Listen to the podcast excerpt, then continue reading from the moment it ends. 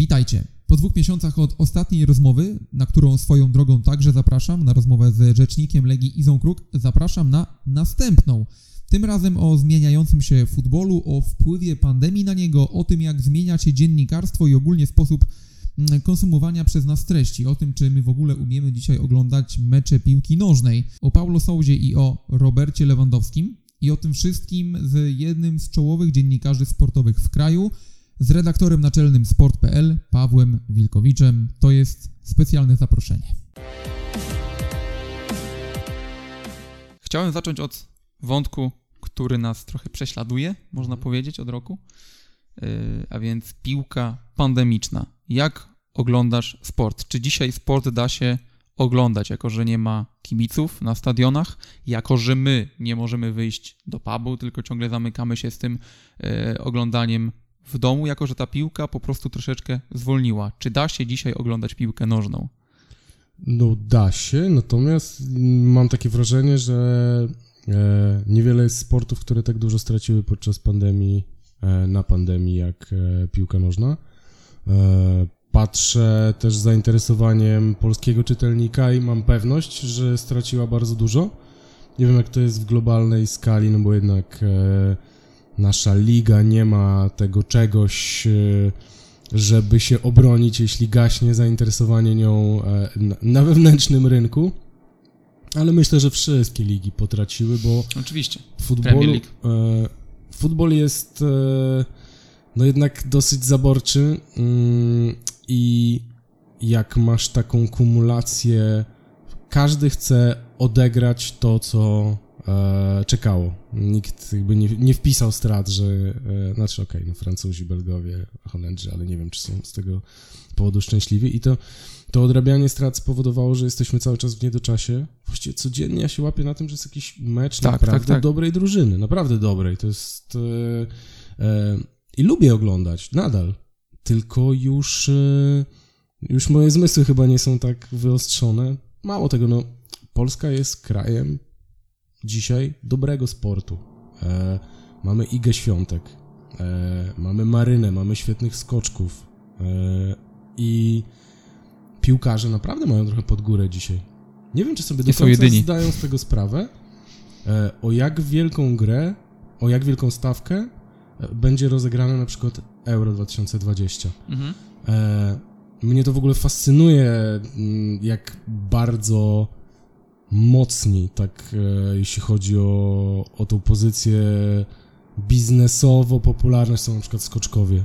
Cieszy, bo, w sezonie tak. bo to mój sport, mm, ale jak oni są mm, często poza zasięgiem e, na przykład naszych piłkarzy, poza Robertem Lewandowskim, jeśli chodzi o takie zainteresowanie mas. Mhm. E, myślę, że wiele osób sobie z tego nie zdaje sprawy, bo my jesteśmy tacy piłkarscy, siedzimy na Twitterze, tam praktycznie Twitter jest tak piłkarski, że w ogóle Twitter ocenia, który sport jest dobry, który jest zły, ten jest niszowy, w ogóle skaczą w 15 krajach i tak dalej, tylko piłeczka, tylko piłeczka.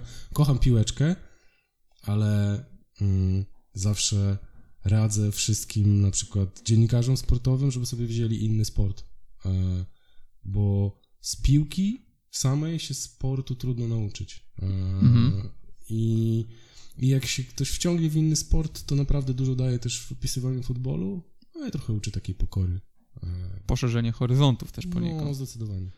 A jak oglądasz dzisiaj piłkę? Bo przygotowując się, ale też niekoniecznie nawet z tego powodu. Ostatnio czytałem artykuł Pawła Grabowskiego na Nuance e, i on tam wynotował badania Nielsena sprzed roku, mhm. że tylko 12% ludzi rok temu potrafiło obejrzeć cały mecz piłkarski bez zajrzenia do smartfona. Jak to jest u ciebie? Nie, no to jest nierealne. Ja nie wiem, czy potrafię cokolwiek zrobić bez zajrzenia do smartfona, więc e, nie bardzo by pasowało, żebym oglądał mecz bez tego. Nawet nie bardzo widzę sens, bo e, to jest takie wtedy poczucie wspólnoty oglądających. Jak oglądam mecz tenisowy, To na pewno plus. To też wrzucam i bo może ktoś wyłapał coś, co, co mi umknęło. Na pewno wyłapał coś, co mi umknęło. E, po to mam Twittera. To jest na, największa moc Twittera jest przecież e, w jego ścianie głównej, nie w interakcjach. E, to ściana główna wyręcza e, depeszowców, ona wyszukuje różne drobiazgi warte, warte uwagi i ja bez tego bym nie mógł oglądać i też nie widzę tego jako powód do wstydu. Okej, okay, a nie tracisz trochę przez to samego widowiska, jakby no nie da się przeanalizować całego meczu wnikliwie, jeśli no powiedzmy 20% czasu jesteś na Twitterze. No 20% to już jest dużo. Dużo, tak. E, to, zawsze zależy po co oglądasz. Czy oglądasz dla przyjemności, czy oglądasz z presją, czy oglądasz bez presji, czy oglądasz po to, żeby przeanalizować zespół, czy żeby zawodnika, czy po prostu ci gra jako muzyczka. E, ja na przykład w ogóle nie jestem e, człowiekiem radia. Mm. Inaczej, nie jestem człowiekiem radia, nie jestem człowiekiem muzyki. I jak robię różne prace w domu, to musi ktoś do mnie mówić. Dlatego źle powiedziałem, że nie jestem człowiekiem radia, ponieważ słucham to FM, dlatego że tam nie ma muzyki. A mecze, te z lig, które mnie, mnie interesują, często lecą sobie w tle. Choć też jest im trudno, bo bo w dzień zwykle zabieram ze sobą hiszpańskie radio, te, te nocne audycje. One mi tak porządkują, co się, co się zdarzyło w sporcie. Mm. Jesteśmy w roku, roku, może w latach przejściowych. Ja bym się nie przywiązywał do tego, co jak odbieramy futbol dzisiaj, jak to przeżywamy. Jesteśmy na wojnie. Natomiast ten trend, że coraz mniej osób jest w stanie oglądać całe mecze, no to tego nie zatrzymasz. Mm. I wydaje mi się, że zmierzamy w taką stronę, że mm, no, futbol się staje coraz bardziej. Nie wiem, jak to ująć, też nie chcę jakichś tam takich y, generalizacji za wielkich robić, ale, ale no rzeczywiście to, co mówi Pablo Aymar, że jesteśmy ostatnim pokoleniem, które oglądało mecze w całości, to jest prawda. Tylko pytanie, jak z tego wybrnąć, no bo już nie zmusisz E, nowych zwłaszcza. Dzisiejszych dzieci, tak. żeby całymi masami były przyklejone do telewizora po 90 minut. Więc jak wybrnąć z tego, żeby konsumując fragmenty, mimo wszystko piłkę kochały? No jest to jakieś wyzwanie, jeszcze zanim przejdziemy, bo to też jest jedno z kolejnych moich pytań, ale złapałem sam się ostatnio na tym, że jak wracała Liga Mistrzów, to nie czekałem na nią tak jak chociażby rok temu że o, jest kolejny mecz, ale nie wiem, we wtorek przychodził ten mecz, a we wtorek o 19 przed Ligą Mistrzów jeszcze grało, nie wiem, czy Atletico, czy ktoś. Więc tej piłki jest naprawdę mnóstwo. I pytanie, czy jak ona wróci w starej formie, czy to będzie od nowego sezonu, bo ten nowy sezon może być taką nadzieją na powrót do normalności. Później kolejny znowu będzie wywrotowy, bo będzie mundial yy, zimą. Ale czy jak ta piłka wróci, to czy my nadal będziemy potrafili do niej usiąść tak samo jak rok, dwa lata temu? Myślę, że Myślę, że będziemy, tylko musi się ustabilizować kalendarz. Muszą się znowu zrobić przerwy. E, pewnie to się też złożyło z, w czasie z tym, że no jednak coś się kończy. E, już mamy chyba. Nie chcę powiedzieć, że ostateczny stempel, no ale jednak wychodzimy już z czasów Messiego i Cristiano. E, Zdecydowanie. Nie chcemy, nie chcemy, tego powiedzieć głośno, bo można się jeszcze ciągle ośmieszyć, mm, ale to już jest raczej e, przygotowanie do czegoś nowego, ale ci nowi jeszcze wszyscy mają jakiś znak zapytania. E, pewnie najmniejszy Mbappé. No i Haaland i Haaland, no ale fajnie było jakby chociaż mistrzostwo Bundesligi wygrał, nie? Na razie albo w jakimś wielkim turnieju zagrał, no na razie to... No ma na razie pecha takiego, że jeszcze nie gra w czołowej no, drużynie nadal, no a z reprezentacją, no to zawsze będzie mu cokolwiek trudno zrobić. reprezentację mają Norwegowie, bardzo żałuję, bo najbardziej mi ich będzie brakowało na turnieju, no ale... No, tak bywa. Ale będzie ich brakowało i, e, i to jest... E, to samo, co przeżywał w okolicach 2014 roku Robert Lewandowski, jak e, mhm. pamiętam go, jak przyjechał do, do Polski e, poważni piłkarze pakowali się na wyjazd do Brazylii, a on na wakacje. No, I mówił, że tak wtedy tak mówił, że trochę to po nim spływa, ale ja nie wierzę, że po którymkolwiek piłkarzu spływa. Tak, gdzieś z tyłu siedzi. Przechodząc właśnie do tego wątku, co dalej? W jakim kierunku według Ciebie powinno to iść, bo jak wiemy, dzisiaj królują krótkie treści. Załóżmy, że ta rozmowa będzie miała łącznie godzinę. Do końca dotrwa pewnie co piąta osoba. E, krótkie treści królują wideo. Tak, tak, tak, o tym mówię. No podcasty są jednak jakąś odmianą, no bo robimy to w tle. E, co dalej? Nie wiem. No, wydaje mi się, że nic, że trzeba poczekać. E, na to, aż wróci lepszy czas, bo e, futbol miał już swoje lepsze momenty, miał już swoje gorsze momenty. Od lat właściwie po każdym kryzysie wraca mocniejszy. też nie widzę powodu, dlaczego miałoby tak nie być teraz. Natomiast kryzysy są nieuchronne. No, kryzys Leo Kirsia e, na początku XXI wieku e, wyprodukował grupę społeczną, o której istnieniu wcześniej nie wiedziałem, czyli bezrobotny piłkarz. Mhm. Na przykład w Ekstraklasie pojawili się bezrobotni piłkarze, kiedyś takiego nie było. E, I też się wydawało, że to taka zmiana, że już nic nie będzie takie samo, no ale w życiu tak jest, że wszystko jest potem takie samo, tylko trochę inaczej. E, I, i myślę, że po tym też ta, ta moda na futbol się odświeży i wróci. E, Nie wiesz, to ja nie jestem futurologiem. No patrzę na przykład na NBA. Mhm. Ja sam mm, się odkochałem w tej lidze, na, kie- kiedyś byłem strasznie zakręcony, potem na lata wypadłem e, i teraz wróciłem, jestem strasznie tak na, po- n- n- nabuzowany i ta liga nie zmienia formuły. Też możesz powiedzieć, ludzie, no przecież codziennie. No, no tak, tak, tak, to tak, tak. Podziwiam w ogóle ludzi, którzy w Polsce kibicują tak na całego NBA, no bo... Oglądają mecze w środku nocy. jest bezlitosny. E, I też masz to, ja dzisiaj na przykład obejrzałem sobie mecz New York Knicks e, z Filadelfią, to był mecz też taki na poziomie mm, walki o spadek w Ekstraklasie. E, I, I też możesz powiedzieć, o kurczę, co to będzie, co to będzie. No ale nic nie będzie, no nie zmienisz swojego sportu reguł tak bardzo, tylko po to, żeby się komuś przypodobać. Nie skrócisz meczu, żeby ktoś bardziej go przetrawił. E, Myślę, że futbol sobie poradzi. Może tej kasy będzie trochę mniej, ale jej jest dzisiaj tak dużo, że nie da się jej legalnie przejeść, więc Nie wiem, nie wiem, czy będzie mniej, jako że nowa Liga Mistrzów, gdzieś tam w toku i tak dalej.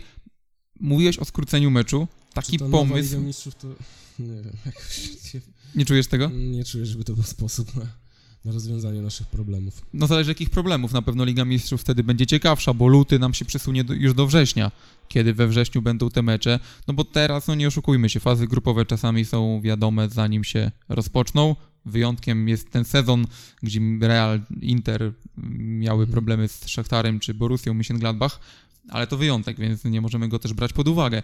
A zwykle jest tak, że jesteśmy w stanie od razu wytypować, kto tam dalej awansuje, bo czwarty koszyk kontra pierwszy, no jest bardzo duża różnica. A tam ma być tak, że już te mecze hitowe będą gdzieś się przewijały od początku, tylko też pytanie, czy to nam trochę nie obrzydzi całej, całej piłki nożnej. Ale teraz też mecze hitowe się przewijają od początku, no bo grupie Tylko już nie są hitami. Zwykle masz parę, no. Premier League 0-0 Ja ciągle nie, w nie wierzę hitach. w tę reformę, prawdę mówiąc, nie, nie, nie wierzę zupełnie. Mm. Wiesz co, nigdy też nie podchodziłem do tego na zasadzie, czy ja wiem, jak uzdrowić futbol. Dlatego mi tak trudno jest odpowiadać na te pytania. E, bo ja sobie szukam jakichś tam swoich historii i e, pewnie czasami tak masz po prostu, jak ja na przykład miałem z tą NBA. Mhm. Miałem przesy, też odeszli moi bohaterowie i zająłem się innymi sportami, jakoś to gdzieś zostało z tyłu i nagle obejrzałem przypadkiem mecz i myślę, o kurczę, e, wciągam się. Mm, To, to ja tak mam czasami, że na przykład w pewnym momencie już nie mogę Premier League. Nie mogę, jestem zamulony, a miałem taką serię, że co to było na jakoś tak pod koniec ubiegłego roku. Co nie włączyłem meczu, to po prostu tempo takie, wszyscy jak e, pod koniec obozu przygotowawczego. No tak to wygląda. Nie, nie mogłem na to patrzeć. Wiem, że od tego czasu, nie wiem, na przykład no Manchester City wystrzelił. Też w pewnym momencie przybył zamulony strasznie. Nie? Trafiłem na ze dwa takie mecze z rzędu, sam się, Boże, co się dzieje z tą drużyną. E, a, a teraz sobie fruwa, natomiast e, w takich momentach to sobie lubię znaleźć jakiś taki swój światek, nie wiem, mam ligę brazylijską na przykład, którą sobie lubię popatrzeć e, od czasu do czasu i, i wtedy sobie czuję, że jakoś tak odświeżam neurony i, i poznaję nowe historie, też, też fajne. Wiecie, ja mam, jestem szczęśliwym dziennikarzem, bo mam inne sporty. Jak mnie znudzi trochę piłka, to sobie To możesz się idę, przerzucić. Mhm. idę do nart albo, albo do tenisa i jestem, jest mi z tym bardzo dobrze. Mówiłeś o tych 60, y, o skróceniu meczu. Ja chciałem powiedzieć o 60 minutach, bo taki pomysł kiedyś się pojawił z ust Marco Van Bastena. E, Ale jak sobie robiłem takie badania właśnie kiedyś, ile trwa mecz, to on nie trwa 90 minut. On trwa 56 minut, 62, zależy od ligi. W ekstraklasie bardzo dużo czasu piłka jest w ogóle poza boiskiem, poza placem gry. I taki pomysł się pojawił właśnie z ust Marko Van Bastena, żeby ten mecz skrócić do 60 minut. Pytanie, czy to nie jest jakieś rozwiązanie też, bo dzisiaj te 90 minut, jeszcze my to wytrwamy, bo w tym się wychowaliśmy, ale yy, kolejni nastolatkowie, dzisiejsi siedmiolatkowie, no to raczej chcą konsumować te krótsze treści, to jest jedna rzecz. Druga rzecz, jeśli chodzi o to urozmaicanie piłki, może to widziałeś, yy, jak był mecz gwiazd w MLS, to brat Friedel, nie, brat Guzan, brat Guzan był, miał słuchawkę i był przepytywany, robiono z nim wywiad w trakcie meczu. On bronił i robiono z nim w trakcie wywiad. W Australii z kolei pamiętam, że piłkarz schodzący na ławkę dostawał słuchawkę od razu na ucho i robiony był z nim wywiad. E, w innym przypadku w Stanach zrobili boisko jak w FIFA, że piłkarze byli podświetlani, że od razu jakieś hitmapy i tak dalej, więc może to jest to rozwiązanie. Ja bym w to raczej szedł, w, w stronę wizualną i nowe bodźce ciągle. Wdanie e, mikrofonu aktorom, to trochę się już dzieje nieświadomie, no bo nie ma trybun i jak oglądasz mecz bez dźwięku, to wszystko, natomiast brakuje mi e, w dzisiejszym sędziowaniu z warem najbardziej mm, brakuje mi właśnie sędziego stającego e, po podjęciu decyzji do nas, do kamery i mówiącego o co chodziło i jak ocenił decyzję. To wystarczy. No tak, no, nie chcę, żeby NBA wracało cały czas, ale przecież to jest proste. Wyobrażasz to sobie tak mówiąc tak. już całkiem serio, tak? tak że w meczu Legia, Lech, Szymon Marciniak... Ja, sobie wyobrażam, ja uważam niezrozumiałe, że tego nie ma. Okej. Okay. No bo dlaczego miałbym sobie tego nie wyobrażać? Przecież sędzia, no wiele możesz powiedzieć dzisiaj o na przykład polskich sędziach, ale nie, że są sprzedawczykami.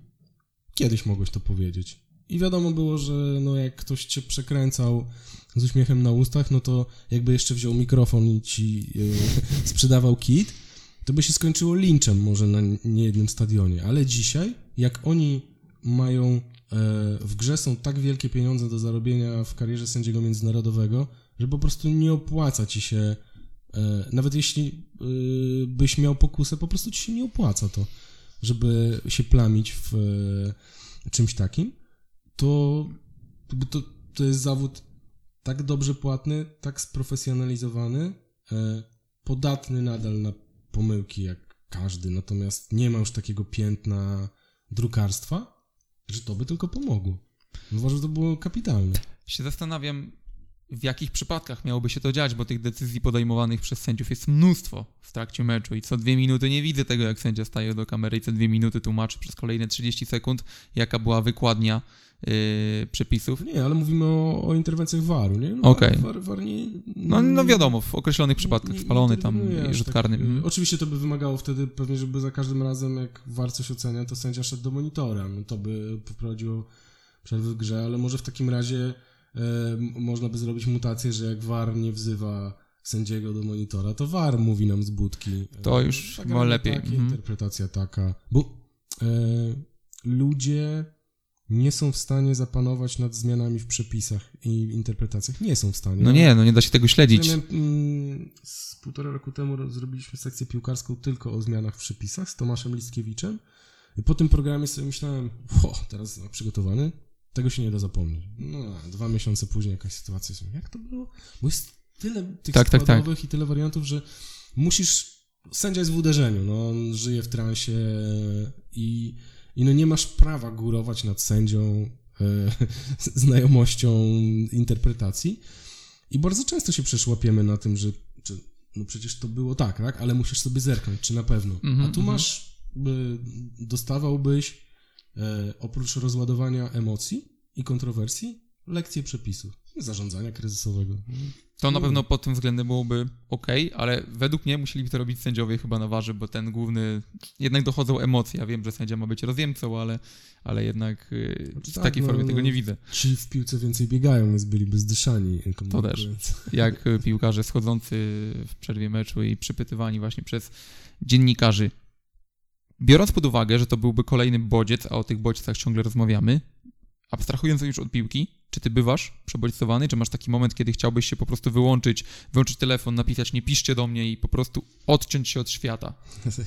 Jak to bywam? Ja jestem cały czas. Chyba nie tylko, nie tylko ty. Myślę, że to jest taki trochę problem dzisiejszych czasów. No jest, jest niestety. Znaczy, mm, mamy taki bardzo y, szczególny czas ze sobą, to kilkanaście miesięcy. Y, na dłuższą metę nie da się tak żyć. po prostu się nie da. Ja to potraktowałem jako takie jedyne w życiu doświadczenie i ze wszystkim, co się z tym wiąże, do tego nie był to łatwy rok emocjonalnie, bo różne, różne rzeczy na nas spadały mm, i, i bardzo trudno je ciągle wyrzucić z głowy, natomiast e, e, no to było na przykład, to było kilkanaście miesięcy, przez które nie udało mi się przeczytać od początku do końca żadnej książki. Mm, I wiele razy próbowałem, ale po prostu E, nie było jak, był cały czas jakiś problem do rozwiązania, bo tyle rzeczy się zmieniało.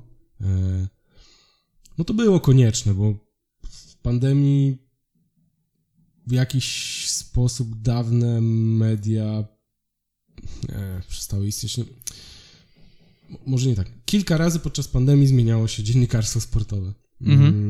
Bo najpierw nie było sportu i trzeba było pisać o czymś innym. Potem było nagle bardzo dużo sportu. Mm, potem nagle mm, się okazało, że futbol zdziadział e, w takim odbiorze e, społecznym, mm, ale wystrzeliły, nie wiem, znowu skoki, tenis i za każdym razem trzeba było się przystosować do tych nowych okoliczności i to kosztowało bardzo dużo czasu, wysiłku. Nam się też zmieniała obsada w firmie, więc przychodzili nowi ludzie. Zawsze to trzeba otoczyć opieką, poprowadzić, o, przepraszam, Nie, wytłumaczyć. E, I tak intensywnych kilkunastu miesięcy, kilkunastu, no tak, no rok z okładem, nie miałem nigdy w życiu i, mhm. i muszę to w pewnym momencie teraz przystopować, bo po prostu E, no, można, chciałbym jeszcze trochę pożyć. Tak jest, a... można, można wykitować. No, można, można. E, myślę, że nawet nie jest takie trudne. E, natomiast no to też traktuję jako mm, takie doświadczenie jednorazowe w życiu. No, rozmawialiśmy o tym zanim, zanim zacząłeś nagrywać, że no nie wiem, w, u mnie w domu rodzinnym przez ścianę było Bergamo, e, bo, bo w odstępie kilku dni mm, pojechał wujek i już nie wrócił, a zanim pojechała jego żona i do innego szpitala i też już nie wróciła, zostało po nim obrączka, po niej pierścionek. Już ludzie, z którymi byłeś od dzieciństwa, tak, sąsiedzi mojej mamy i, i ty żyjesz w takim świecie, że jakby mm, nie ta, ta śmierć siedzi w tobie gdzieś głęboko, ale nie umiesz tego tak. To, to nie jest taka śmierć jak te sprzed pandemii, tak? Bo, bo to jest trochę tak, jak ktoś nie wrócił z frontu. No, wiem, że to ktoś się będzie śmiał z tego, ale e, no emocjonalnie to było bardzo trudne. Mhm. E, i, I ciągle myślę, że to po czasie wyjdzie, bo miałem tak na przykład jak jak było lato i pojechałem na, na urlop i jakby puściła adrenalinę i zaczęły wyłazić różne rzeczy właśnie z ostatniej wiosny, różne, różne historie, e, które pewnie wszyscy kojarzą ze świata mediów i, e, i kurczę, serio, emocjonalnie nie bardzo bym sobie w stanie wtedy z, z tym poradzić, jak ta adrenalina puściła. I myślę, że wszyscy, którzy stracili kogoś, e, a teraz nie są w stanie tak rozliczyć się z tym, że to jeszcze przed nimi, jak puści ten stres związany z pandemią, to, to różne emocje powyłażą i trochę się o nas wszystkich boję, prawdę mówiąc. Ale w takim właśnie negatywnym y, kontekście, bo... No, myślę, że negatywnym. Bo wiesz, jak z kolei otworzą miasto, że tak powiem, y, kraj, czyli te wszystkie restauracje... Tak, bachanalia i w ogóle i... Dokładnie. Tak, tak. Więc wiesz, pod tym względem też, na przykład ja wczoraj widziałem taki film z Izraela. Nie wiem, czy widziałeś, e, gdzie opis był taki, czy to prawda, czy nie, no to jest już inna kwestia, bo to jednak internet, ale zakładając, że to jest prawda, że tam już ludzie po szczepieniach, bez maseczek, jedna wielka impreza po prostu na mieście, więc myślę, że w tę stronę to też, też może pójść. Słuchaj, no e, po wojnie, II wojnie światowej i wybuch futbol, mhm. e, i wybuch seks, e, więc bachanalia są normalnie wpisane w te e, wyzwolenia, e, może skupiając się już na futbolu, żeby nie było, e, żeby nie odbiegać od tematu, to przecież zaraz po, po wojnie zaczęły się te turne bo my się dzisiaj zastanawiamy, jaki będzie futbol po, po pandemii i tak dalej. No ale prawda jest taka, że nigdy nie wiesz. Na czas II wojny światowej futbol właściwie w wielu miejscach umarł, ale tuż po wojnie ludzie tak bardzo byli spragnieni rozrywki, że zaczęło się zapraszanie, nie wiem, Dynamo w Londynie zrobiło furorę, Węgrzy i tak dalej i nagle tych meczów towarzyskich zrobiło się tyle, że, że trzeba było to ogarnąć, się narodziły europejskie puchary niedługo po, po wojnie. I co też byś powiedział, e, pewnie jakby ktoś chciał, mógłby zrobić uczone rozważania pod koniec wojny, czy futbol jeszcze będzie taki sam, no, a okazało się, że nie tylko będzie zupełnie inny, ale jeszcze e, dużo, dużo, dużo lepszy, więc e, ja tak, ci, jak, jak ci mówiłem, prawdę mówiąc, nie poświęcałem zbyt wiele uwagi temu, jaka będzie przyszłość piłki nożnej, tylko raczej, e, żeby pozdążać ze wszystkimi obowiązkami i tymi stresami, które pandemia na nas złożyła, no i chyba nie będę zmieniał nastawienia, bo to jeszcze nie koniec. Ale zobacz, mówiłeś, że piłka po wojnie się zmieniła, to teraz też się zmieni. Będziesz miał nową Ligę Mistrzów, tak, nie wiesz, nie powiększony wiesz, mundial. Nie? nie? wiesz, w którą stronę. No, chyba takiej maksymalizacji. Bo, bo jestem sobie w stanie wyobrazić... E, chyba nie jestem sobie w stanie wyobrazić, że futbol w ogóle traci miliony e, wiernych, że straci trochę czaru na jakiś czas, tak, a z drugiej strony, że nagle może pojawią się nowe supergwiazdy, które to wyniosą na... Nie wiem, serio nie wiem. Jak patrzysz na, na historię piłki, to ona jest y, tak y, pełna y, takich właśnie kryzysów, po których to się jakoś odbijało e, znowu. I kurczę, nawet polska giełda się odbiła. To znaczy, że już niczego nie może być pewien, żadnej przepowiedni. Umawiając się na tę rozmowę, napisałeś, że twoja praca dzisiaj już polega trochę na czym innym. To, co widzimy, no to fakt, że jesteś redaktorem naczelnym sport.pl, że bywasz w programach piłkarskich, e, w programach poświęconych skokom, że jesteś też zainteresowany tenisem. A na czym polega poza tym, co wiemy, co widzimy? Co, e, napisałem ci tak, bo zapraszałeś mnie do quizu. Tak, tak, W tak. tym quizie ważnym elementem jest e, odgadywanie składu. E, jest moja pięta Achillesowa i zawsze mi się nakładają różne drużyny z na przykład roku, pół roku i e, nie, nie jestem zbyt mm -hmm. dobry w mm -hmm. porządkowanie, w którym momencie na prawej obronie był ten, na który tamten, więc jakoś tak doszedłem do wniosku, że chyba nie miałbym czasu sobie, sobie odświeżyć i, i dlatego ci to napisałem, no ale fakt, że tak właśnie to wygląda, że dla mnie najtrudniejsze dzisiaj jest przekonywanie codziennie samego siebie, że jak nie napiszę tekstu, to nic się nie stanie. No z tego tak żyłem całe życie, że szukałem historii, e, gromadziłem notatki, jak już czułem, że, że mam historię, to, to pisałem i starałem się, żeby to było mm, codziennie w, w miarę e, życiowych możliwości i bardzo trudno jest z tym nałogiem zerwać, a jednak dzisiaj trochę do czego innego jestem wynajęty mhm. e, i czasami te walczą we mnie te, te żywioły, że a, dawno nic nie napisałeś, dziadziejesz już. E, e, a trudno jest pogodzić pisanie z redagowaniem, z jakimś zarządzaniem, z organizowaniem wyjazdów, z pomocą komuś. No, na, na tym polega moja praca dzisiaj, że mam, mamy swoją drużynę, no i w tej drużynie trzeba podzielić rolę, e, pomóc każdemu, kto, kto potrzebuje pomocy, e, doradzić coś, poprawić. E, no, tak z grubsza. Bycie redaktorem naczelnym trochę odsuwa od samego zawodu chyba, tak? Już taka funkcja bardziej pewnie menedżerska też już niż dziennikarska stricte. Właśnie staram się nie. Mm, ja w ogóle nie bardzo chciałem, prawdę mówiąc.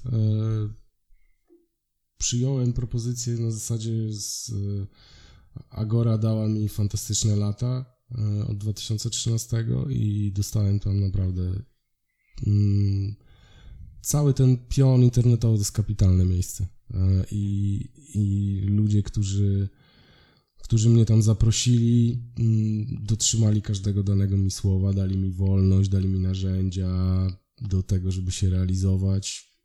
Uczę, najlepsza decyzja, jaką podjąłem e, w życiu. E, tak jak najlepszą w 2003 było, żeby pójść do rzepy. Mhm. To była taka moja wymarzona gazeta. gazeta, którą mój tata przynosił z pracy i na której się wychowałem i wiedziałem, że jak mam pisać, to chcę tylko tam.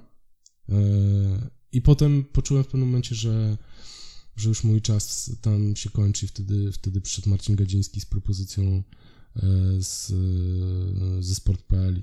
Naprawdę, a przez szczerze nigdy nie było takiego dnia, żebym żałował, że odszedłem właśnie wtedy i właśnie do, do Marcina.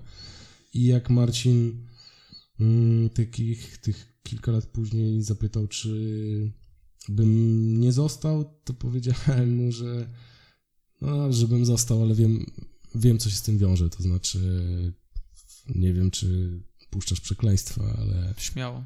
Chyba YouTube nam tego nie, nie znaczy, Zapytałem go, czy po, potrzebuje kogoś, żeby go jebali na Twitterze. Mm. No, więc się uśmiechnął. No, ale to trochę się do tego sprowadza, tak? To znaczy e, od e, dwóch lat, tak? E, tylko w pewnym momencie przestałem się tym zupełnie przejmować. No jesteś, jakby dajesz twarz y, rzeczom, za które nie zawsze odpowiadasz. No nie jesteś w stanie w tak dużym portalu odpowiadać za mhm. wszystko. Mm, ale okej, okay, przyjąłem to. E, dużo mnie to kosztowało na początku. Potrzebowałem bardzo wiele miesięcy, żeby sobie to poukładać. E, dobrze, teraz już chyba jest okej. Okay. E, mhm. Wiesz co, bo to jest takie, przez całe życie odpowiadasz za samego siebie i zrobisz błąd, to przepraszasz. No tak, a tutaj jednak duża odpowiedzialność. A, a najtrudniej jest, jak musisz wziąć odpowiedzialność za coś, do czego de facto nie przyłożyłeś ręki, ale ludzie tego nie wiedzą. No e, tak, tak, Mało tak. tego jakby, no przecież naczelny, no tak, no, chyba musi wiedzieć, tak? E, niby tak, ale czy warto w ogóle tłumaczyć cały czas, albo my mamy taką strukturę, a no coś tam. No nie, no po prostu musisz się w pewnym momencie z tym pogodzić i musi zacząć po tobie trochę spływać. E, więc też sobie tak e, długo to trwało, ale, ale sobie wyrobiłem taką skorupę, że jak, jak ja nie popełniłem błędu, e, to niekoniecznie musi mnie to dotykać. A dotykało strasznie, także. Mhm. No ale już jest lepiej. A propos Twittera, bo też o nim właśnie powiedziałeś, wielu dziennikarzy, no dobra, może nie wielu, kilku dziennikarzy ma podgórkę na Twitterze. Ty raczej nie masz, ale o tym zaraz. Jakie masz podejście w ogóle do tego narzędzia? Bo od kilku dziennikarzy, właśnie od kilku ludzi z branży. Słyszałem już, ja to bym najchętniej z tego Twittera wyszedł, ale no nie mogę, bo to jednak narzędzie pracy. Jak jest u ciebie? Ograniczać tego Twittera, czy być tam całym sobą? Co, jedną z najważniejszych rzeczy, jak e, mm, w tej mojej nowej roli, to było e, nauczenie się, czym się z Twittera przejmować, a czym nie. Mm, jest tam wiele bardzo cennych rzeczy. Najcenniejsza jest ściana główna zdecydowanie, gdzie jest, e, nigdzie nie dostajesz szybciej informacji. Jeśli umiesz ją zweryfikować, to, to jest to znakomite źródło i cię odsyła, potem możesz sobie doszukać w agencji, żeby sprawdzić, czy rzeczywiście ten ktoś nie żyje, czy... To, no, dobrym przykładem był Maradona, prawda? Nagle zaczęło, z, najpierw było na Twitterze, nie mhm. żyje Maradona, nie żyje Maradona, nie żyje Maradona, ale nie można pisać na, po Twitterze, że nie żyje Maradona, no więc czekasz, wchodzisz do Argentyny, co tam, jak już zobacz, zobaczyliśmy na stronie, na stronie Clarin, że, że, że jest, no to dajemy. I, I w tym nic Twittera nie zastąpi. Nic, szybko. E, ma też Twitter taką stronę, która ci przeszkadza w zawodzie tak naprawdę. To znaczy mm, e, jest... Nie wiem, jak to dobrze nazwać, żeby nikogo nie obrazić. E, jest bardzo duży rozdźwięk między rzeczywistością medialną, a jej postrzeganiem na Twitterze ale bardzo duży rozdźwięk. To no. znaczy, i ja nie mówię w ocenie, tylko w faktach. Mhm. I to dotknęliśmy już tego tematu na przykład przy skokach, siatkówce, nie, siatkówki nie ruszaliśmy, tenisie. Mm. Sporo osób komentujących na Twitterze serio nie do końca wie, co kręci Polaków. E, I mm, to wynika trochę z tego, że Twitter jest mocno piłkarski. Kibice piłkarscy uważają, że nie ma e, doskonalszego tworu niż piłka i piłka, piłka, piłka, a to jest pułapka, e, bo Polacy wbrew pozorom kochają dużo sportów. E, I wiesz co, to, to jest tak trudno ująć, nie, nie, nie wiem, czy ja gdzieś nie, nie zabrnę, ale trzeba się przestać przejmować tak bardzo tym, e, co piszą w interakcjach, tylko się kierować raczej tą główną ścianą. No ale to jest, dobra, nie, nie wytłumaczę tego łatwo. No, no bańka, bańka twitterowa, no prostu. Natomiast czy, że, czy mają pod górkę niektórzy? Nie wiem. Wiesz co, wydaje mi się, że mm, z twi- Twittera trzeba ograniczać, zdecydowanie. Mhm. E, nie wchodzić w niepotrzebne dyskusje, bo czasami mm, to nie ma żadnego sensu, tylko spalasz się, spalasz się emocjonalnie. To też mi się czasami udaje ograniczyć. Mm. Mm. Co, najważniejsze to jest e, nie dawać sobie udzielać rad zawodowych na Twitterze. Naprawdę. E, bo tu jest największy rozdziew. Znaczy, ludziom się coś wydaje, e, a rzeczywistość wygląda trochę inaczej. I ty się przejmujesz, a to nie jest tego warte. No tak, no ale też nie wszyscy mają po prostu świadomość, jak to wygląda. Pytanie, czy to powinno ich Nie, oczywiście, dlatego predestynować ja, do dlatego ja pisania, nie czy winię ludzi, że piszą takie rzeczy, tylko i jakby ja od siebie muszę wymagać, żeby Tak, z drugiej umieć strony. tym Mhm. zarządzać, nie? I bardzo długo to trwało. E, Musiałem trochę też sobie em, nauczyć się tego. W tym momencie chyba znalazłem jakąś równowagę, ale tak ci powiedziałem, przez 15, tych kilkanaście miesięcy pandemii to zmieniało się tyle Mhm, rzeczy, mhm. tyle razy, że ja już przyjmuję, że za chwilę znowu nam się coś wywróci i trzeba będzie zaczynać od nowa, ale wydaje mi się, że teraz e, jest znakomity czas dla dziennikarstwa sportowego, e, takiego portalowego, wiesz szczerze, sportowego. Z nie- perspektywy obecnych sportów, czy... tego, co ludzie chcą czytać. Naprawdę. Ja uwielbiam naszych czytelników. Naprawdę. Jest, y, mm, to, to, jak oni lubią te same teksty, co ja, e, to nie, nie możesz się czuć lepiej jako redaktor naczelny. Także, że, e, muszę, słuchajcie, napiszmy to od tej strony. E, wydaje mi się, że to się ludziom spodoba. I później patrzysz statystyki czytelnictwa. Wow, no tak jakby, wiesz, się, mhm. I to naprawdę tego, to, to jest coś, na co czekałem te dwa lata. Bywały miesiące bardzo trudne i ale, ale dzisiaj mogę powiedzieć jakby, że mm, ten nasz czytelnik obecny e, to jest taki, dla którego aż się chce wymyślać nowe, nowe tematy. E, I też e, nasz zespół tak się bardzo mocno zjednoczył przez te ostatnie miesiące. W pandemii naprawdę przeszliśmy dużo e, i, i bywało trudno, ale to nas tak fajnie scaliło. E, I, I też muszę powiedzieć, że jeśli chodzi o, o to, jaka ta drużyna jest, to mm, myślę, że trudno znaleźć e, lepszą. Mhm. Naprawdę Jeszcze- bardzo fajna grupa. Jeszcze na chwilę chciałbym zostać przy tym Twitterze, bo wydaje mi się, że akurat właśnie dobrze sobie tam radzisz, omijając różne przeszkody i wbijając się tam, gdzie trzeba. E, nawet z grupą śmieszków też sobie całkiem dobrze radzisz, ale tak. Na początku były gazety, później był portal internetowy, który na początku był rewolucją i robił różnicę, później były kanały społecznościowe i kanał na YouTubie. Teraz idziemy jeszcze krok dalej. Idziemy do TikToka, który też już się staje mocno, mocno branżowy. Kolejni ludzie tam wchodzą. I tak jak sobie poradziłeś w każdym z tych elementów, tak idą ciągle nowe, chciałem zapytać, czy ty nie boisz się, że ten pociąg kiedyś może odjechać i co zrobić, żeby on nie odjechał? że mam na TikToku coś nagrywać. A nie, nie, tego nie powiedziałem. No jakby Nie. mówię o nowych narzędziach. Wiesz co? E, po pierwsze, no jak odjedzie, to trudno. To będę siedział w innym. E, po drugie, ta rewolucja informacyjna no, jest bardzo przeceniana. Ta najnowsza. E, spójrz na Twittera. Mm, co to znaczy być, e, nie wiem, dobrze sobie radzić na Twitterze? to moim zdaniem nie znaczy wiele więcej ponad to, że dobrze sobie radzisz na Twitterze. Przepraszam, że. Ale nie potrafię tego łatwiej. y, Inaczej. No, spójrz na przykład. y, Gdyby mm, moi czytelnicy z Twittera rzeczywiście czytali teksty, które im wrzucam, to pewnie moglibyśmy porozmawiać inaczej. Tak, Ale widzę to też pod czytają kątem ich. YouTube'a. I o to mi też chodziło, żeby może dobrze wytłumaczyć, dlaczego nie możesz się przejmować tak tym, co ci radzą ludzie, Mhm. e, bo czytelnictwo z Twittera jest tak słabe, że jakbym ja miał słuchać, jakby dla kogo mam robić teksty, no to żyłbym w jakimś świecie absurdu, bo e, dyktowaliby mi ludzie, którzy nie czytają akurat. E, Mhm. I, I dlatego jakby, mm, wiesz, ja ci nie nazwę wszystkiego po imieniu, bo to też tajemnica firmy, ale, ale nauczenie się tego wszystkiego właśnie, mm, tego naszego czytelnika, jego potrzeb, e, to było bardzo długie, bardzo fajne, bardzo satysfakcjonujące i miało nic wspólnego z Twitterem. Ale no nic, kompletnie. To jest właśnie jedna z tych baniek, które u nas w naszym świecie funkcjonują.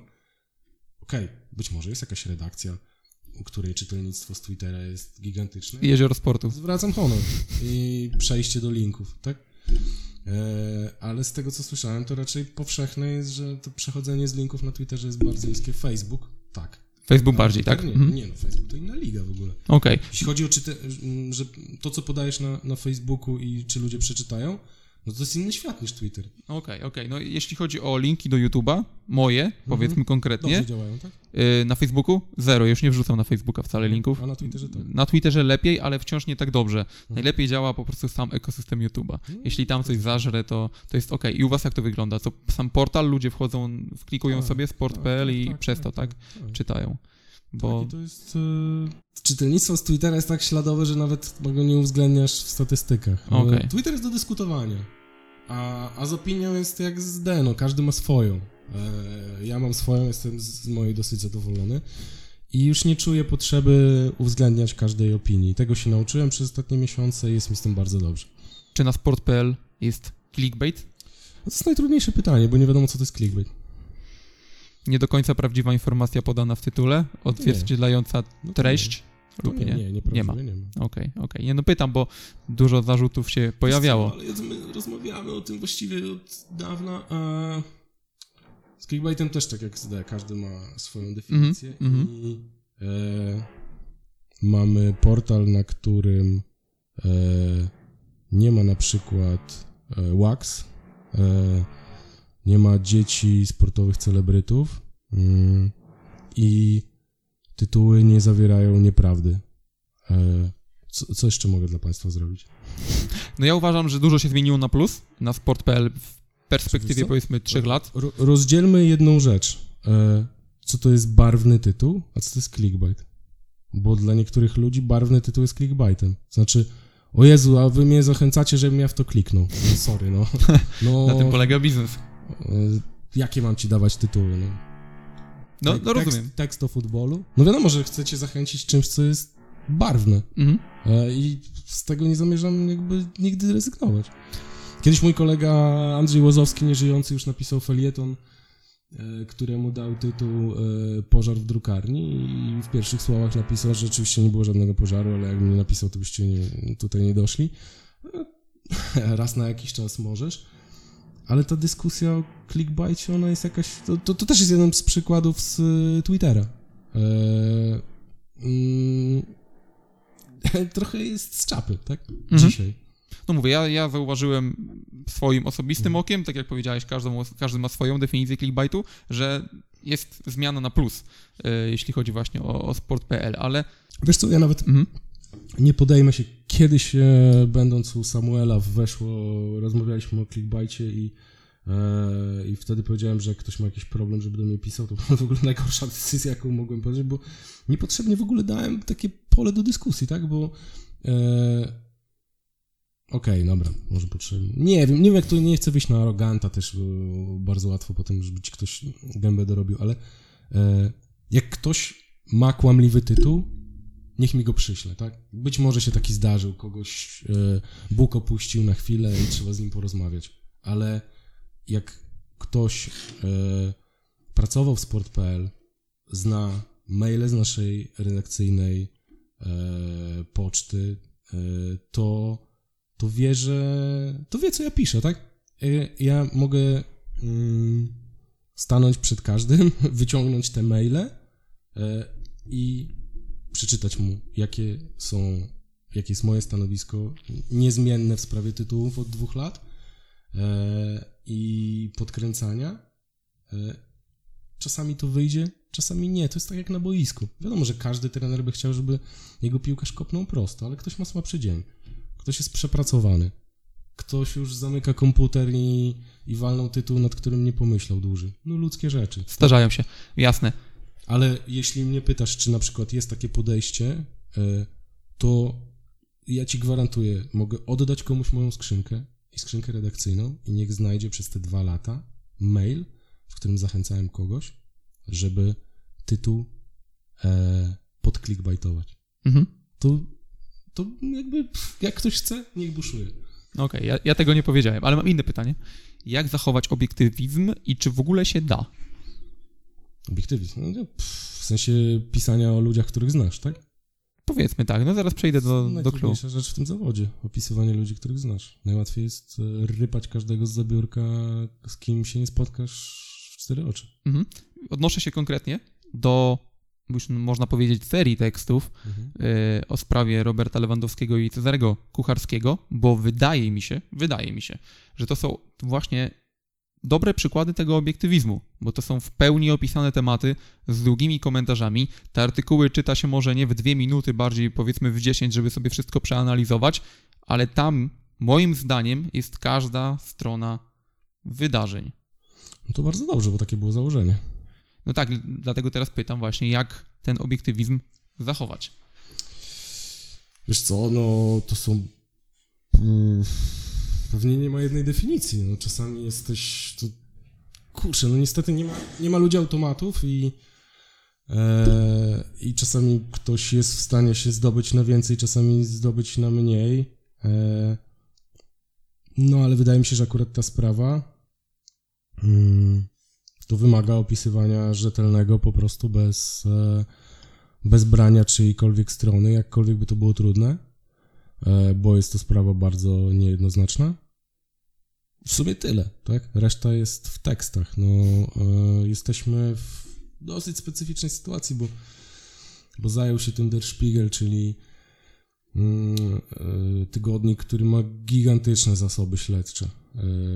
Swój dział, ludzi z doświadczeniem w służbach, program informatyczny też ze służb, specjalistów od prawa podatkowego, międzynarodowego, od e, finansów, tłumaczy przysięgłych, e, rozsianych po świecie. To są ludzie, którzy opisywali Cristiano Ronaldo, Lukę Modric'a, Mesuta Özila i różne mm, ich sprawy finansowe. Nawet jest tam książka za tobą. Tak. Brudna piłka, tak jest. I nie przegrali z nimi procesu. Mm. I dlatego e, Dlatego zakładam, że należało uszanować tę wersję, którą opisał Spiegel. E, mm, I staraliśmy się to po prostu robić. To znaczy, zakładam, że jest to gazeta na tyle wiarygodna, e, że wiedziała o czym pisze. Jak to interpretować, to już jest zupełnie inna sprawa. Każdy, e, każdy po swojemu. I, I tylko tyle. Wydaje mi się, że mm, ktoś może trochę źle doradził Robertowi Lewandowskiemu e, mhm. w tej sprawie. E, ja bym po prostu poszedł do, do Szpigla z żądaniem sprostowania, e, tak jak Szpigel poszedł do Springera, gdy Springer sugerował, że, że autor tego, jeden z autorów tego tekstu jest w spisku. Mm, no i Springer musiał po prostu zdjąć te, tak, tak, te tak. artykuły. Świeża Brako sprawa. Brakowało mi bardzo tego właśnie ze strony sztabu Roberta. Wysyłamy do szpigla żądanie, zdjęcia e, tekstów, które są kłamliwe i uderzają w nasze dobre imię. I tyle. Dla mnie to jest modelowe wyjście z e, tej sytuacji. No ono nie nastąpiło.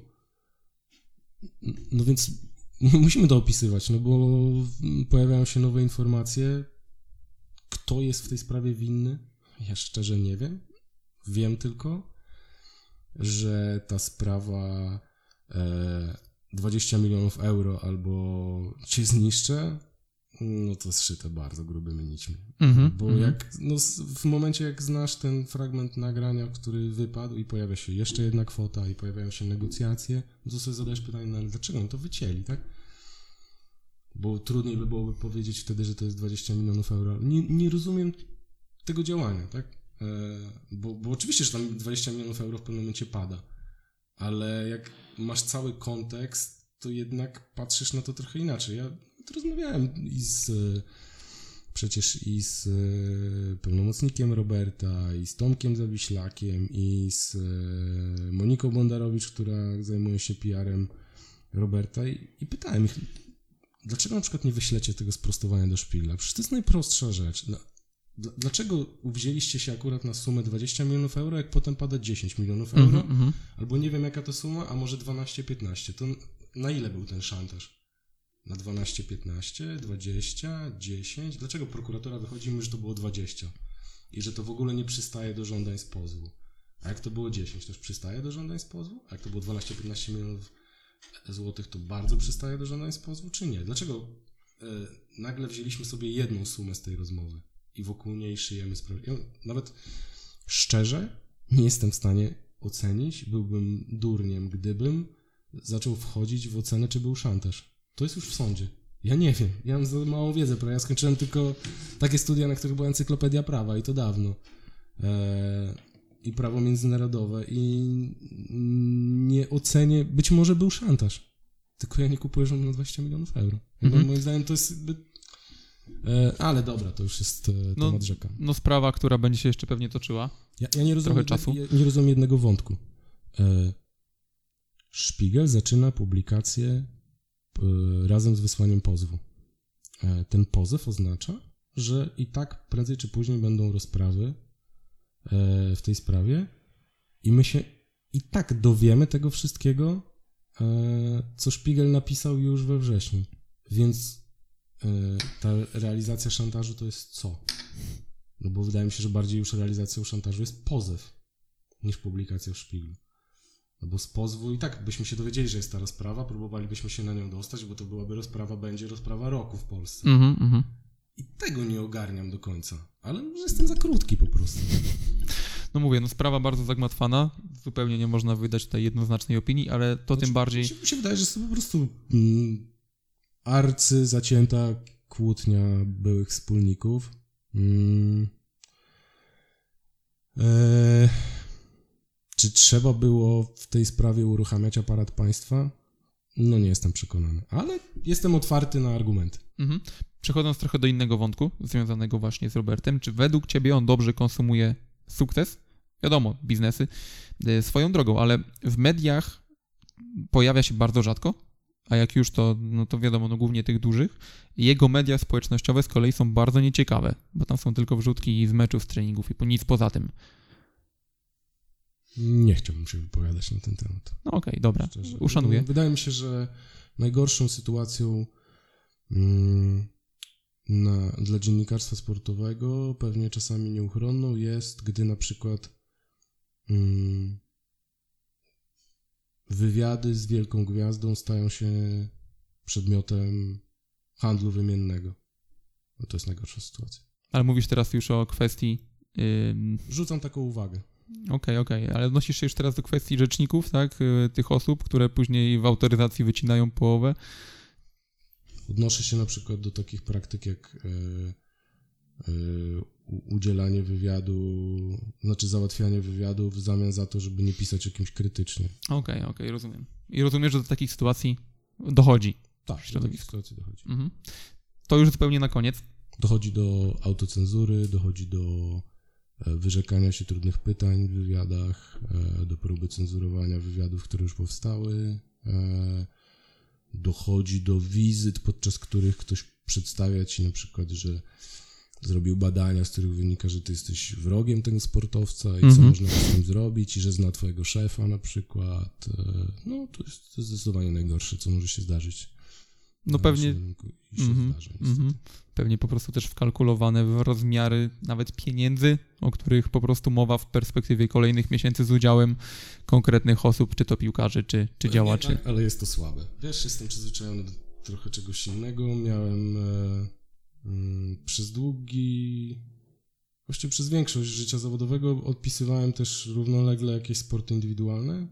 E, końcówka tej wielkiej kariery Adama Małysza, Kamil Stoch, Justyna Kowalczyk e, i mm, miewaliśmy bardzo różne momenty, bardzo różne. E, I z Justyną przecież e, kilka razy tak e, byliśmy pokłóceni e, i jakieś takie dłuższe przerwy, no bo zawsze sportowiec się czuje. Jest tyle sposobów, na których, w którym możesz urazić jakoś sportowca słowem. Mhm. To się dzieje w takich relacjach. To jest naprawdę opisywanie sportowców indywidualnych jest moim zdaniem najtrudniejsze, najbardziej też satysfakcjonujące, bo powstaje jakaś więź z tą osobą, ale tak trudne, bo wiesz, że piszesz, piszesz, starasz się oddać to obiektywnie, ale ugodziłeś kogoś, bo on to zupełnie inaczej widział. Mhm. E, więc bywały różne momenty. E, Adam Małysz kiedyś kończąc karierę nazwał mnie chujem w Oslo, bo e, źle zinterpretował pewną sytuację na skoczni mm, Holmen Kolen i tam była taka sytuacja, że Adam kończył karierę i chciał, żeby pierwszy dowiedział się o tym Hanu Lepisto.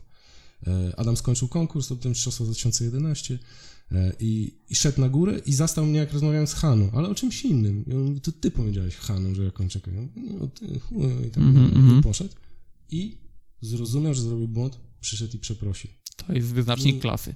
E, Z Justyną mogliśmy mieć różne momenty, ale zawsze sobie znaleźliśmy porozumienie sami. I szczerze, tego H to dzisiaj wspominam z sentymentem, Mhm, no, słowo mhm. to fajna historia. I te różne historie z Justyną nie potrafię wybaczyć sportowcowi, który ma do mnie numer, a przysyła do mnie swoich PR-owców, e, żeby mnie gnębili. E, I chyba jeszcze długo nie będę potrafił mu wybaczyć. To na koniec już taki zupełnie luźny wątek, bo zbliżamy się do meczów reprezentacyjnych. No, przyda się jakiś luźny rzeczywiście. Tak. No, za dużo powiedziałem, ale dobra. E, Chciałem zapytać o Twoje zdanie o Paulo Souzie, bo na początku spodziewaliśmy się większego nazwiska, później się okazało, że to akurat ten trener. Później była pierwsza konferencja prasowa, która była bardzo mm, patetyczna, tak bym powiedział, nawet chyba w- w tym levelu dalej niż dochodził Adam Nawałka. Więc y, na jego karierę też, jak się tak patrzy na jego CV, na, na to jak y, krótko był w Leicester, to nie do końca napawa nas to optymizmem. Więc jakie ty masz zdanie? Co, e, nie znam go jeszcze. E, mieliśmy tylko jedno e, spotkanie osobiste w windzie wczoraj. E, krótko pogadaliśmy sobie. E, wcześniej mieliśmy spotkanie mm, takie medialne w większym gronie, mm, plus te telekonferencje. Wydaje mi się bardzo ciekawą postacią e, i jednocześnie bardzo trudnym człowiekiem. E, w takim sensie, że mm, nie w złym sensie. E, Ja też jestem bardzo trudnym człowiekiem. I wydaje mi się, że on ma bardzo rozbudowaną dumę. Mhm. Bardzo trudno będzie przyjmował krytykę. Krytykę? Mm, ale to niekoniecznie jest wadą. Znaczy, jeśli on wierzy w swoje pomysły i jest w stanie je przeprowadzić, to, to dobrze, że będzie odporny na tę krytykę, na którą warto być odpornym. Mm, ale na razie jest wielką niewiadomą, no bo póki mało tego, on po pierwszym meczu będzie niewiadomą. E, po drugim meczu może być niewiadomą, bo co my wiedzieliśmy o Leo Benhakerze po dwóch pierwszych meczach? O Denze, Bydgoszcz. Pogonić dziada z kraju. Mhm. Było już takie, urząd pracy miał, go- miał go pogonić. Na szczęście e, chyba się powstrzymali wtedy. E, I tu może być tak samo. E, on ma mało czasu, ale też ten Hacker też nie miał za dużo, bo była w grze, były w grze bardzo trudne eliminacje euro. Natomiast no jest ciekawy w tym, co mówi. Mm. Ma chyba rzeczywiście dobry sztab y, współpracowników i, e, i nie jest wypalony. E, Jerzy Brzęczek, mam dla niego bardzo dużo sympatii Mm, i uważam, że trochę jak Waldemar Fornalik e, pewnie mm, no, jakby to powiedzieć wykonał przebudowę mm, i był trenerem przejściowym mm, i być może to nie mogło się skończyć e, inaczej. E, chyba nie ten temperament po prostu. No zobacz na Waldemara Fornalika. Jeden Mhm. z najlepszych trenerów Klubowych. jakich polski futbol ma. E, a jednak w kadrze nie zagrało. Coś, no, moment przejściowy, e, mm, jakiś taki niektórzy trenerzy się sprawdzają w codziennej pracy, niektórzy trenerzy się sprawdzają w pracy odświętnej. Mm. No chyba Jacek Magiera z jakiegoś powodu też nie wytrzymał. I wydaje mi się, że to jest taka kwestia mm, może też trafienia na taką grupę, która za tobą pójdzie. E, natomiast mam, mam do Jerzego Brzęczka naprawdę bardzo dużo sympatii. Mm, jego twarz taka e, memiczna to zupełnie nie ma mm, wiele wspólnego z, z rzeczywistością i e, Natomiast wydaje mi się, że ta zmiana była potrzebna e, w, w pewnym momencie, bo, bo tam już e, no zaczynało się, jakby nie było takiego efektu dopalenia, którego kadra, kadra potrzebuje, że jest ogień w oczach. Tego nie było ewidentnie i nie było gwarancji, że to wróci. E, Wydaje mi się, że był też trener już trochę zmęczony tymi. e, No za bardzo to, to wszystko przeżywał zdecydowanie. E, Teraz przychodzi człowiek wypoczęty, ale no musi od razu tak potasować karty, żeby, żeby wyszło mocno. I nie mogę się doczekać tego, tego pierwszego meczu mm, i, i Anglii. Natomiast e, szczerze, ja nie jestem w stanie dzisiaj powiedzieć, i po, podziwiam w ogóle kogoś, kto już wie, e, jak to będzie, bo e, spodziewam się, że piłkarze za nim pójdą. Bo mamy teraz takich piłkarzy, którzy mm, trochę potrzebują tego blichtru, e, mhm. takiego trenerskiego. Tak mi się wydaje. No i Też on... nie w złym sensie, tylko No takiego, tak, tak, tak. Takiego, wiesz, tu byłem, to robiłem. Tak, tak, tak. Człowiek z wielkiego świata. Tak, tak. To na takiego jak najbardziej Paulo Souza wiesz, no to jest wygląda. element y, trenerskiego fachu, tak? No że tu tak, byłeś, tak, tak. Widziałeś, no to jest tak jak, no cały czas będziemy wracać do Loben Hackera, bo był y, najgłośniejszym zagranicznym poprzednikiem y, Sousy, ale tam był na przykład Franz Hook, y, trener y, bramkarzy, który naprawdę pracował w dużych klubach z wielkimi nazwiskami i on miał to coś, takie ura, bura, ale ludzie za nim szli. Mhm. I my się z nim dobrze bawiliśmy na zgrupowaniach. A jednocześnie czuję, że to jest wielki pan i że nasi bramkarze to. Nasi bramkarze mu, jak on powie, to, to oni raczej słuchają.